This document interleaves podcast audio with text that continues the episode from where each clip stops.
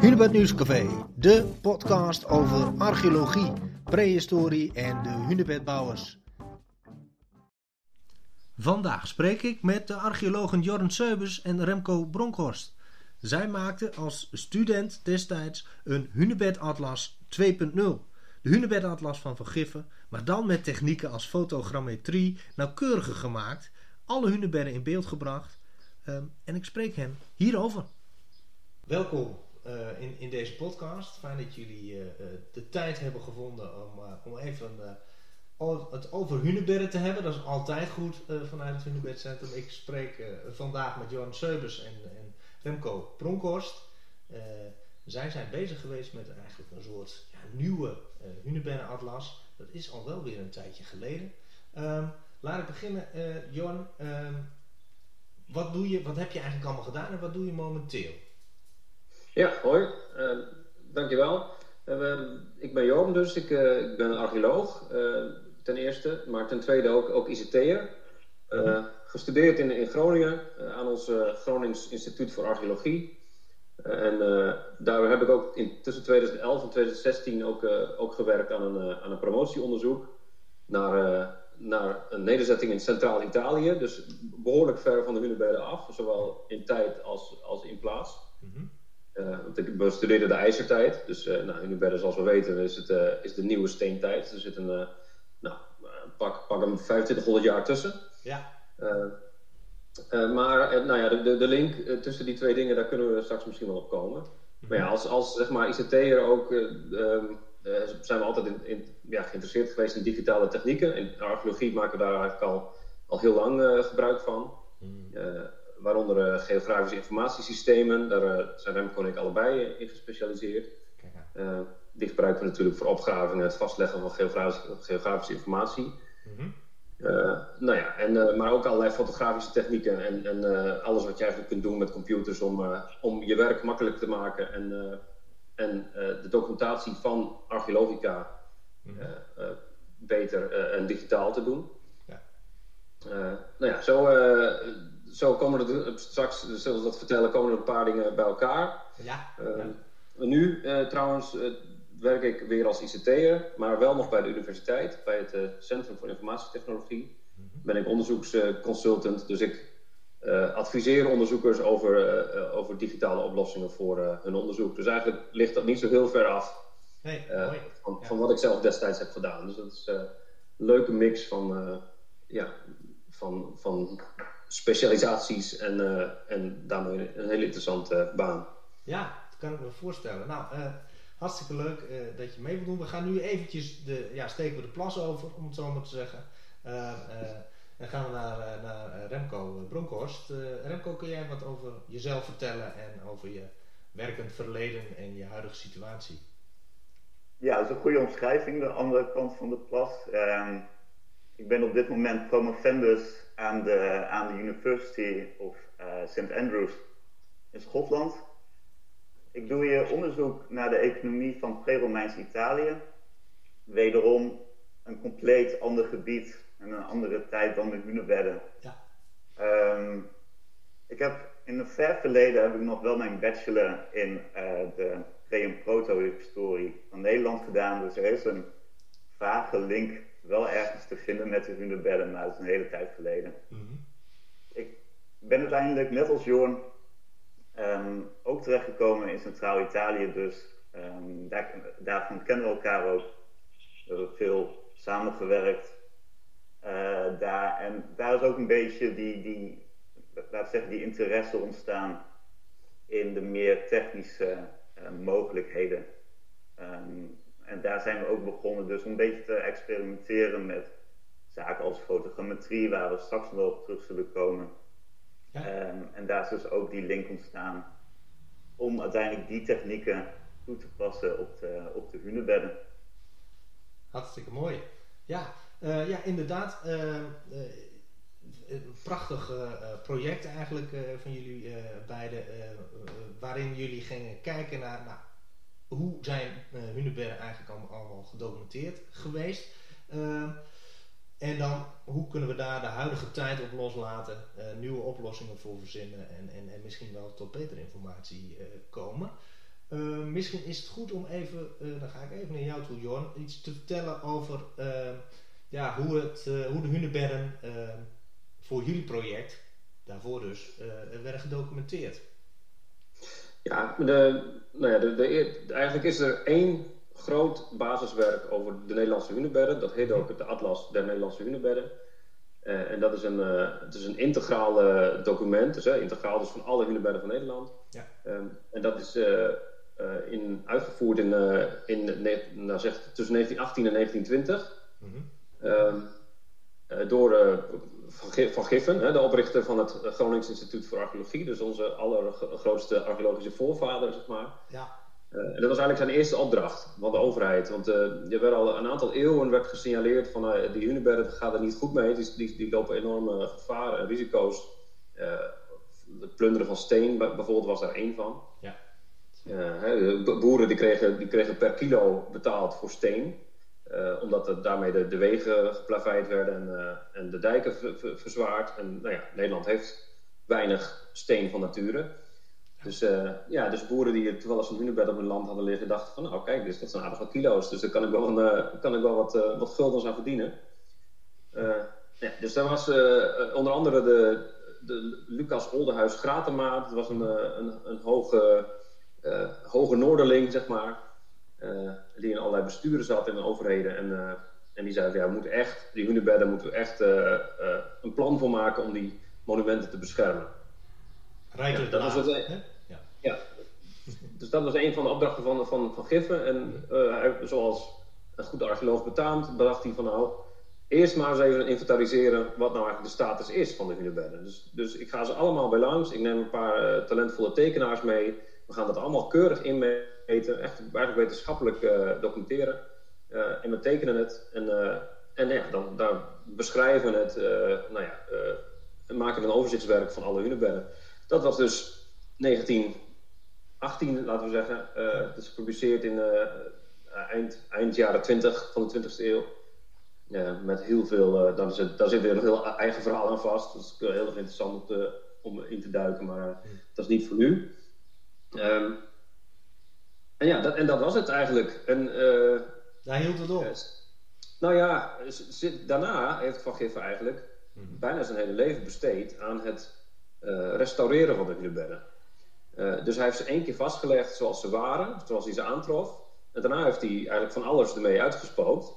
Uh, maar er is nooit een nieuwe uh, cyclus geweest, een nieuw, een nieuw document gecreëerd van hoe de Hunebed er nou echt bij liggen.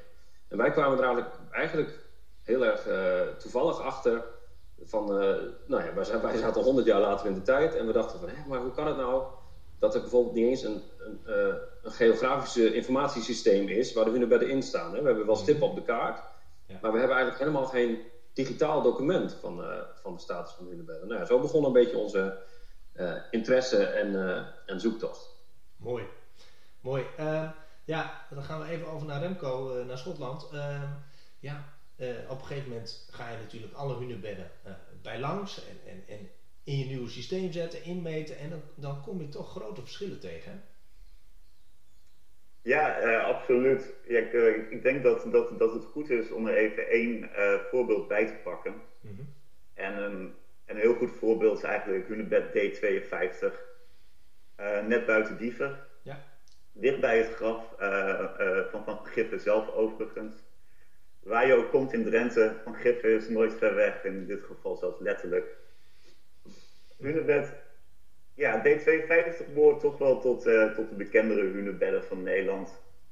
Natuurlijk een stuk ten westen van, uh, van de hunebedden op de Hondsrug. Mm -hmm. Maar natuurlijk wel dichtbij de twee hunebedden in Havelte. Zoals ik net al zei, hunebed D52 is een heel mooi voorbeeld van wat ons project toevoegt. Dat we hier echt enorme verschillen zien tussen de situatie die Van Giffen rond 1918 vastlegde en wat we hier tegenwoordig zien. Als we dan teruggaan naar wat Van, uh, wat, uh, Giffen schrijft, dan zien we dat de Hunebed in 1918 echt een chaos was. Dus Van Giffen schrijft hoe het Hunebed in een geheel gevallen staat verkeerde. Um, maar ook dat het Hunebed eigenlijk niet meer te reconstrueren was. Dus hij, uh, hij heeft ook nog een later verslag gemaakt rond 1930. En daarin beschrijft hij onder andere dat uh, er ooit bijvoorbeeld een huisje deels over het hunebed was gebouwd. Dus er is hier zoveel gebeurd, veel ingrijpende nou ja, zaken hebben plaatsgevonden die uiteindelijk tot een vrij chaotisch geheel hebben geleid. Zo. Um, als we dan nog even een beetje inzoomen op die, op die, op die beschrijving van Van Giffen. Dan zien we ook dat hij soms helemaal geen idee heeft wat voor stenen hij eigenlijk ziet. Dus hij weet van de meeste stenen wel te, soort van te herleiden op het gaat om zijstenen, of bijvoorbeeld sluitstenen of dekstenen. Maar, uh, van, maar van tenminste zes stenen heeft hij eigenlijk helemaal geen idee. Kortom, wat ik zei, het is echt, uh, echt een soortje. Maar ja, als je dan vandaag de dag kijkt wat je ziet, um, dan zie je dat er tegenwoordig een vrijwel compleet en intact hunebed staat. Ja. Um, ik denk dat één van de dekstenen ontbreekt weliswaar. Nou, verder is het eigenlijk helemaal compleet. Uh, er staat zelfs nog een steen van de poort. Uh, en alle zijstenen en de twee sluitstenen zijn nog netjes op een plaats. Ja. Dus het is duidelijk dat er in die 100 jaar best wel veel hier is gebeurd. Um, en dat is eigenlijk allemaal terug te, terug te leiden tot uh, 1953 en 1954. Toen het uh, hunebed ingrijpend is gerestaureerd door Van Giffen. Giffelijk liet hij slechts twee zijstenen en één sluitsteen op een plaats staan. En alle andere stenen zijn in zekere mate herschikt of in ieder geval weer rechtop gezet. Uiteraard werden dus ook alle dekstenen werden weer herplaatst. En wat we heel goed zien in een vergelijking tussen de situatie in 1918 en die van 2017, um, dus 2017 toen wij het Hunebed bezochten, is dat sommige stenen echt over hele grote afstanden zijn geplaatst. Mm als je de twee situaties over elkaar heen legt, dan zie je eigenlijk nauwelijks overeenkomsten. Compleet anders. Dat betreft is Unibet D5 ja, echt compleet anders inderdaad. Unibet D250 is echt een schitterend mooi voorbeeld. Ja. Van al die ingrijpende veranderingen die daar hebben plaatsgevonden over een periode van 100 jaar. Ja, heel mooi. Uh, prachtig voorbeeld denk ik inderdaad, uh, D52. Uh, Jorn, als ik eventjes naar jou toe ga en ik ehm, ja, ik vraag me dan eigenlijk af, je, je, je gaat alle Hunebedden weer opnieuw bij langs. Ehm, is er dan in die 100 jaar ook nog een hoop verdwenen? Zijn, mis je ook een hoop stenen eigenlijk? Of viel dat eigenlijk wel mee? Nou, laten we even teruggaan naar de, naar de techniek. Remco zei net iets interessants. Dat is als je de hunebedden over elkaar heen legt. Hè, dat, mhm. eh, dat, dat, dat, dat, kun je fysiek niet doen. Nee. Uh, maar daar is dus zo'n geografisch informatiesysteem heel, heel handig voor. De, de, de, de superpositie van kaartlagen. Ja. Uh, dat kun je digitaal heel makkelijk doen. Hè. Op het mhm. oog kun je kaarten vergelijken, maar digitaal kun je ze echt over elkaar heen leggen. Ja. Uh, dus, uh, dus eigenlijk zoek je de informatie die je nodig hebt om dat te kunnen doen. Hè. De, de vergelijking te maken van toen en nu. Ja. Um, nou ja, dat, dat, dat, ik wil even zeg maar, terug naar hoe we daar nou opgekomen zijn. Is goed. want Remco en ik werkten allebei voor het tijdschrift voor mediterrane archeologie. En daar verscheen in, ik denk 2012 uh, eh, een artikeltje over fotogrammetrie. Mhm. En dat is een techniek waarbij op basis van 2D-fotografie, dus met je normale camera, uh, uh, door verschillende hoeken van een object vast te leggen, dat je die door software aan elkaar kunt laten rekenen en daar een 3D-model op kunt baseren. Mhm. Nou, het mooie daaraan is dat als je daar ook nog een GPS-punt aan knoopt, of meerdere punten eigenlijk, dan plaats je dat 3D-model ook nog eens op le dus levensgroot in, uh, in geografische ruimte, laten we zo zeggen. Ja. Dat betekent dat je daar allerlei uh, informatie aan kunt ontlenen. Mm -hmm. waaronder bijvoorbeeld een plattegrond. Dus wat Van Giffen moest doen met zijn tekenaars, met zijn lege tekenaars, een hele dag bezig met een hunebed tekenen. Mm -hmm. met, met drie of vier mensen en opmeten. Dat konden wij gewoon doen door een paar GPS-punten te nemen en zeg 200 foto's en we, we halen het door de software heen. En we hebben een, uh, een uh, accuraat 3D-model. Ja. Uh, dus, en dat konden we dus doen niet in, in, nou, per hunebed ongeveer een half uur tijd. Dus daar, eigenlijk, we, we, horen over die techniek, daar, daar wilden we mee experimenteren. Toen dachten we van nou, we, gaan er niet voor naar Rome, want daar kwamen we wel vaak genoeg. Maar we gaan gewoon, uh, pakken de auto en we rijden naar de eerste, de, eerste, de beste hunebed vanuit Groningen. Dus, uh, ja. En we gaan het daar, daar proberen. En dat werkte eigenlijk zo ontzettend goed, dat we toen begonnen te denken van nou, uh, waarom doen we dat niet gewoon voor alle hunebedden? Mm -hmm. we kunnen er misschien, we kunnen, als we een beetje doorzetten, kunnen we het wel tien op een dag doen. ja. Dus nou ja, daar hadden we natuurlijk eigenlijk wat, wat tijd en, en, middelen voor nodig. Toen hebben we het Gratema-fonds gevraagd uh, om dat uh, een, een, klein beetje te subsidiëren. Dat hebben ze toege, toegezegd. Hè? Gratema, van diezelfde Gratema die, die 100 jaar geleden al uh, zich zorgen maakte om de hunebedden. En zo hadden we dat, dat, die aanvraag ook een beetje geframed. Ja, dus dat, logisch. En, en zo zijn we dus, als het, als het weer goed was en het moet bewolkt zijn om geen schaduw en dergelijke te krijgen. Dus je moet de hele heel, ja, je moet bepaalde lichtomstandigheden hebben om goede foto's te maken en daar weer een goed model aan te, aan te ontlenen. Mm -hmm. Dus zodra het bewolkt was, dan belden we elkaar op en zeiden van nou kom, we springen in de auto en we gaan op hunebeddenjacht. dus ja. dat, dat, dat, dat is, en ja, zo is, het, zo is het eigenlijk gekomen dat we, dat we um, alle hunebedden van Nederland op die manier opnieuw hebben vastgelegd. Ja. Maar goed, dat, is even, dat is even de, even, was even de voorgeschiedenis. Dat was niet je vraag, maar... Uh... Nee, maar dat is, nee, maar dat is heel goed. Want dus eigenlijk uh, uh, is, het, is het vanuit een artikel van, hey, over fotogrammetrie van, van hey, dat is interessant. Wat, wat kunnen we hiermee? nou, dicht bij Huis Hunenberg gevonden. En toen eigenlijk ook eigenlijk pas echt gerealiseerd van hier is 100 jaar eigenlijk niks mee gebeurd. Ja, precies. Dus eigenlijk, eigenlijk, ja. eigenlijk werkten we helemaal niet uh, onderzoeksvraag gedreven, zoals we dat in het onderzoek eigenlijk wel proberen te doen. We vonden het vooral heel erg leuk en interessant. Het was eigenlijk experimenteel. Ja. En toen dachten we van, hé, maar nu, nu bouwen we dus zo'n geografisch informatiesysteem. Ja, wat, wat is er eigenlijk? Wat weten we eigenlijk van die hunebedden? En toen kwamen we eigenlijk achter, nou, dat, het enige wat we weten is eigenlijk 100 jaar oud. Ja. En alles, alles wat in de tussentijd veranderd is, uh, uh, dat weten we niet. Nou ja, we hebben ook natuurlijk meteen, toen we het plan opvatten, hebben we de provincie Drenthe natuurlijk betrokken. Nou, daar zat de professor archeoloog Wijnand van der Zanden. Ja. Uh, een local, uh, local hero in, in, in Drenthe natuurlijk. en in heel Noord-Nederland. In heel Nederland, laten we maar. en die hebben, we, die hebben we meteen betrokken, want die was ook meteen enthousiast. Dus wij konden met... we reden vaak met de auto gewoon rechtstreeks naar Hunebedden toe. Omdat we zeiden van, nou, we hebben toestemming van de provincie. Uh, ja. konden we lekker snel, le lekker snel aan de slag. Ja. En het uh, Archeologisch Instituut heeft, had ons hun splinternieuwe D-GPS geleend. die kan midden in het veld via satellieten accuraat positioneren, op 2 centimeter nauwkeurig. Dus we hadden echt ja, met een beetje geld van Fatema en een, een speciale fotostok die 5 meter hoog kon. dus geen drone, maar een, echt een, een analoog oplossing, zeg maar. Ja. Ja, we hebben het allemaal uit, uitgedacht en, en zo met, met, met, die, uh, met die materialen gingen we de hele tijd, uh, de hele tijd op pad. Mooi, ja. ja. Nou, laat ik dan, uh, dan naar Remco gaan om, om, om te vragen van, die, die heeft net al een prachtig voorbeeld gegeven over D, D52. zo zijn er bij veel Hunebedden toch wat, misschien wat kleinere verschillen geweest, maar desalniettemin verschillen. Um, zijn er dan in, in, in die 100 jaar, zijn, zou je kunnen zeggen dat, dat over de algemene hunebedden echt enorm zijn veranderd of valt het eigenlijk mee? Er zijn natuurlijk uiteraard wel een paar uitzonderingen. Uh, we kunnen bijvoorbeeld D6 de Tinalo bijpakken, waar eigenlijk niks is veranderd.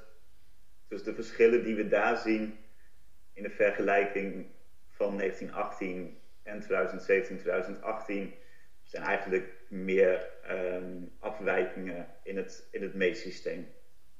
Okay. Um, wij zijn natuurlijk heel erg precies, Ja. dat is natuurlijk een, een stuk makkelijker. Maar Van Giffen met zijn tekenaars die, die gebruik moesten maken van allerlei rare constructies en een soort van kettingen om het hunebed in te meten. Die kon natuurlijk iets minder precies en iets minder snel zulke, zulke dingen doen. Mhm. Bij de meeste hunebedden zien we eigenlijk dat er stenen bijkomen. En dat is natuurlijk allemaal een soort van te, terug te leiden tot met name de jaren 50, als Van Gif al die hunebedden gaat, nou ja, deels gaat onderzoeken, maar ook weer deels eh, gaat restaureren. Ja. Dat hij vaak onder de grond toch nog weer stenen tegenkomt die tot dat hunebed behoren. Dus die hij dan weer aan het licht brengt en weer op een juiste plaats zet. Maar ik denk het, een van de grootste uitzonderingen is natuurlijk hunebed D33. Wat gewoon helemaal niet meer bestaat. dat hunebed is uiteindelijk opgedoekt als het ware en door Van Giffen gebruikt voor D49, de papeloze kerk. Ehm, maar over het algemeen zien we dus dat de hunebedden, ja, dat er eigenlijk continu stenen bij komen. Um, als Van Giffen weer, weer onderzoek doet. Ehm, en dat het beetje bij beetje, vaak heel erg stapsgewijs, uiteindelijk tot een nou ja, compleet hunebed weer wordt, wordt gemaakt. Mm Ja, je zou, dus, niet... ja. je zou dus eigenlijk kunnen zeggen dat er in die, in, in die, in die, in die 100 jaar in elk geval uh, een stuk beter beschermd is dan, uh, dan uh, in die perioden daarvoor. Ja, absoluut. Ik bedoel, um, eigenlijk zijn wij geen echte voorbeelden tegengekomen van hunebedden waar de afgelopen 100 jaar nog echt ingrijpend iets is gebeurd. Uit, uiteraard zijn er uitzonderingen en um, als, je, als je kijkt naar bijvoorbeeld uh, recent vandalisme, waarop wat echt meerdere hunebedden toch wel uh, zijn spoor heeft nagelaten. Mm D54 in de Embedenne is nog een keer, iemand nog een keer bedacht dat het een goed idee was om een kampvuurtje te stoken onder een van de dekstenen. Uh, maar ook bijvoorbeeld recentelijk D14, Eeksterhalte, waar een van de stenen, nou ja, volgens het nieuwsartikel van het Hunebed was gevallen. Um, mijn inziens valt een deksteen niet zomaar, dus die is uiteraard bewust ontwricht. Ja. Um, wat, wat overigens natuurlijk ook heel goed duidelijk maakt dat ons project ook maar een soort van snapshot is in de lange geschiedenis mhm. van de hunebedden. Um, eigenlijk zou dit project, laten we zeggen, over een 30, 40, 50 jaar nog een keer uitgevoerd moeten worden. Om te zien wat voor veranderingen in de tussenliggende tijd weer hebben, hebben plaatsgevonden. Ik denk wel dat het belangrijkste is dat, dat dus heel veel mensen denken dat de hunebedden zoals ze er nu bij liggen, dat, dat, dat die sinds de prehistorie uh, ongewijzigd zijn gebleven. Mhm. Maar zoals Van Giffers aantrof, uh, waren ze eigenlijk bijna allemaal gewoon volledig uit elkaar gevallen. Ja. Uh, dus door de, door de tijd of door de, nou ja, door wat dan ook. Ja. En we hebben nog maar 54 hunebedden, terwijl we naar schatting tussen de 80 en 100 zijn geweest. En dus we, zitten echt, ja, moet heel zuinig zijn op wat er nog over is. Ja. ja. Maar het is dus absoluut uh, niet zo dat, dat, uh, ja, dat die grafmonumenten door de tijd ongeschonden zijn. Nee. Uh, ze zijn eigenlijk allemaal volledig veranderd. En sommige inderdaad, zoals Remco al zei, die zijn eigenlijk bijna volledig bedacht. Ja, ja, precies. Ja. Ja, gerestaureerd is haast nog een, ja, een, een eufemisme eigenlijk. Ja. Ja. ja. ja, reconstructie en restauratie zijn echt wel duidelijk twee verschillende termen als je het over hunebedden hebt. Ja, ja dat begrijp ik.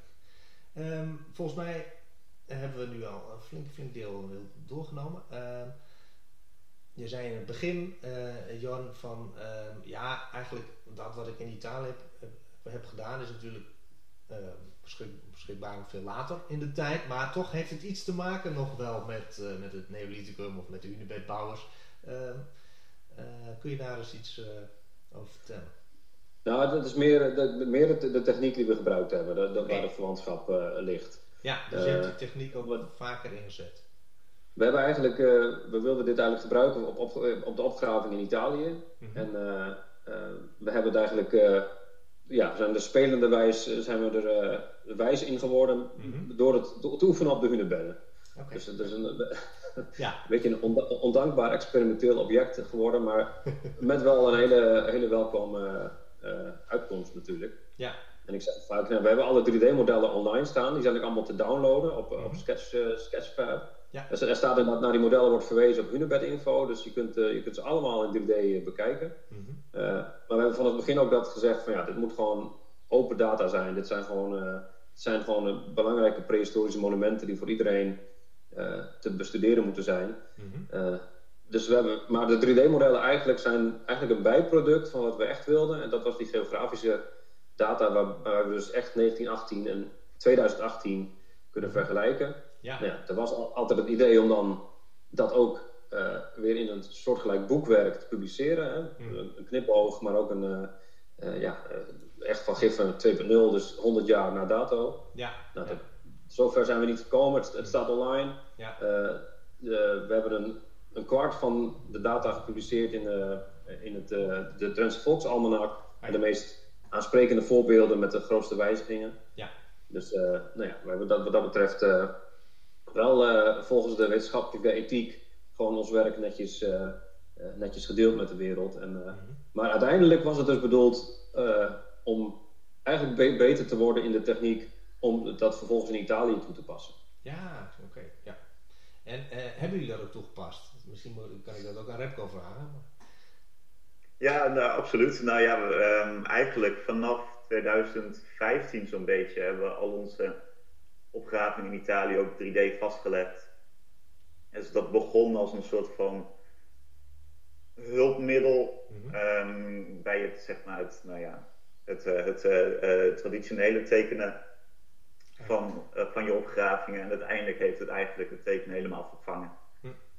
Ehm, en wat dat betreft, nou ja, zoals Jor net zei, het is natuurlijk handig dat je een paar van hunebedden dicht bij huis hebt om te oefenen. En dat, dat ging in het begin nog uh, op de fiets naar Hunebed G1 in, uh, in Noord-Laren om dan te testen, een paar foto's te nemen. Ja. En uiteindelijk weer terug te fietsen om te kijken of je nou ja, toch op basis van je foto's een goed uh, 3D-model kunt creëren. Dus dat heeft ons, ons inderdaad zeker geholpen bij onze opgravingen. Ehm, in Centraal-Italië, waar we, ja, nou ja, zoals ik net zei, eigenlijk helemaal de overstap hebben gemaakt van het uh, traditionele tekenen naar alles 3D vastleggen. En dat geeft natuurlijk zoveel meer informatie. Het is allemaal fotorealistisch, ook uh, qua kleuren. Uh, je hebt um, informatie over volumes. Um, en het ziet natuurlijk een stuk aansprekelijker uit um, als je dat aan mensen laat zien. Ja. het enige, enige nadeel is dat in Italië is het dus nooit bewolkt. Hè? In Nederland konden we wachten tot, tot, een, tot een bewolkte dag. Maar als je in de zomer in Italië opgraaft, dan heb je constant uh, brandende felle zon. dat is voor je foto's wat minder prettig. Maar goed, daar valt wel, ook weer helemaal aan te passen. Ja. Uh, misschien is dat nog leuk om even te kijken naar, naar hoe die foto, uh, fotogrammetrie zich heeft doorontwikkeld. Wat, wat, voor dingen zijn er binnen de archeologie nog meer eigenlijk uitgekomen uh, sinds, sinds, sindsdien? Nou ja, heel veel mensen maken gebruik van fotogrammetrie nu met, met drones. Mm -hmm. eigenlijk hoe, hoe, hoger je de lucht in gaat, hoe meer van het landschap je vast kunt leggen. Dus wij waren geïnteresseerd in, in nou, zeg maar, oppervlakte tot, tot een hectare. Uh, maar eigenlijk vaak veel kleiner. Daarom hadden we dus ook maar een, een, eh, een, een fotostatief die 5 meter hoog ging. Maar stel je vliegt 50 meter hoog, dan kun je dus met één foto enorme delen van het landschap vastleggen. Ja. En zo worden bijvoorbeeld nu ook hoogtemodellen gegenereerd. Dus uh, eigenlijk kun je, kun je met, met die techniek ben je niet afhankelijk van uh, datalevering van, van, overheden of, uh, of van, vanuit satellieten of iets dergelijks. Of vliegtuigen, zoals mm hoogtemodellen normaal gesproken worden gemaakt. Uh, maar je kunt eigenlijk zelf op elk gewenst moment dat, dat, soort, dat soort informatie vastleggen. Ja. Nou, nu, we hebben heel kort met een drone geëxperimenteerd, maar die, die was eigenlijk vrij snel gecrashed. En, ja, okay. dat, dat, dat, heeft ons ook doen besluiten om het, om het analoog aan te pakken, want, want je bent dan gewoon veel minder afhankelijk van je, van je digitale middelen. Hè? Ja. Je hebt wel natuurlijk een digitale camera, maar als je bij elk Unibed weer een drone eh, moest installeren en een, een, dan moet je een vluchtplan maken en dergelijke. Ja. ja, dan waren we veel langer bezig geweest eigenlijk. Ja, exact. Dus, ja. Maar het, het, het, is echt een, uh, om antwoord te geven op je vragen, het is echt een, uh, een, een, een, techniek die nu bijna volledig geïntegreerd raakt in de archeologische praktijk. En zoals Remco net zei, het vervangt eigenlijk het ouderwetse tekenen, omdat je, ja, je kunt die tekeningen eigenlijk op basis van je 3D-model heel accuraat genereren uit je, uit je computer. Dus, ja. uh, en het, het, wordt ook in de, uh, in de maritieme archeologie, bij het opgraven van scheepswrakken, daar hebben we ook nog, wel, ook nog een keer langs geweest met onze fotostatief om een scheepswrak dan, dan vast te leggen. Oh, ja. Nou ja, dan kun, je, dan kun je voorstellen dat als je dat digitaal wilt reconstrueren, dat je dus op basis van dat, dat 3D-model al best wel veel informatie hebt om, om dat te doen. Ja, is nu eigenlijk een hoogtemodel.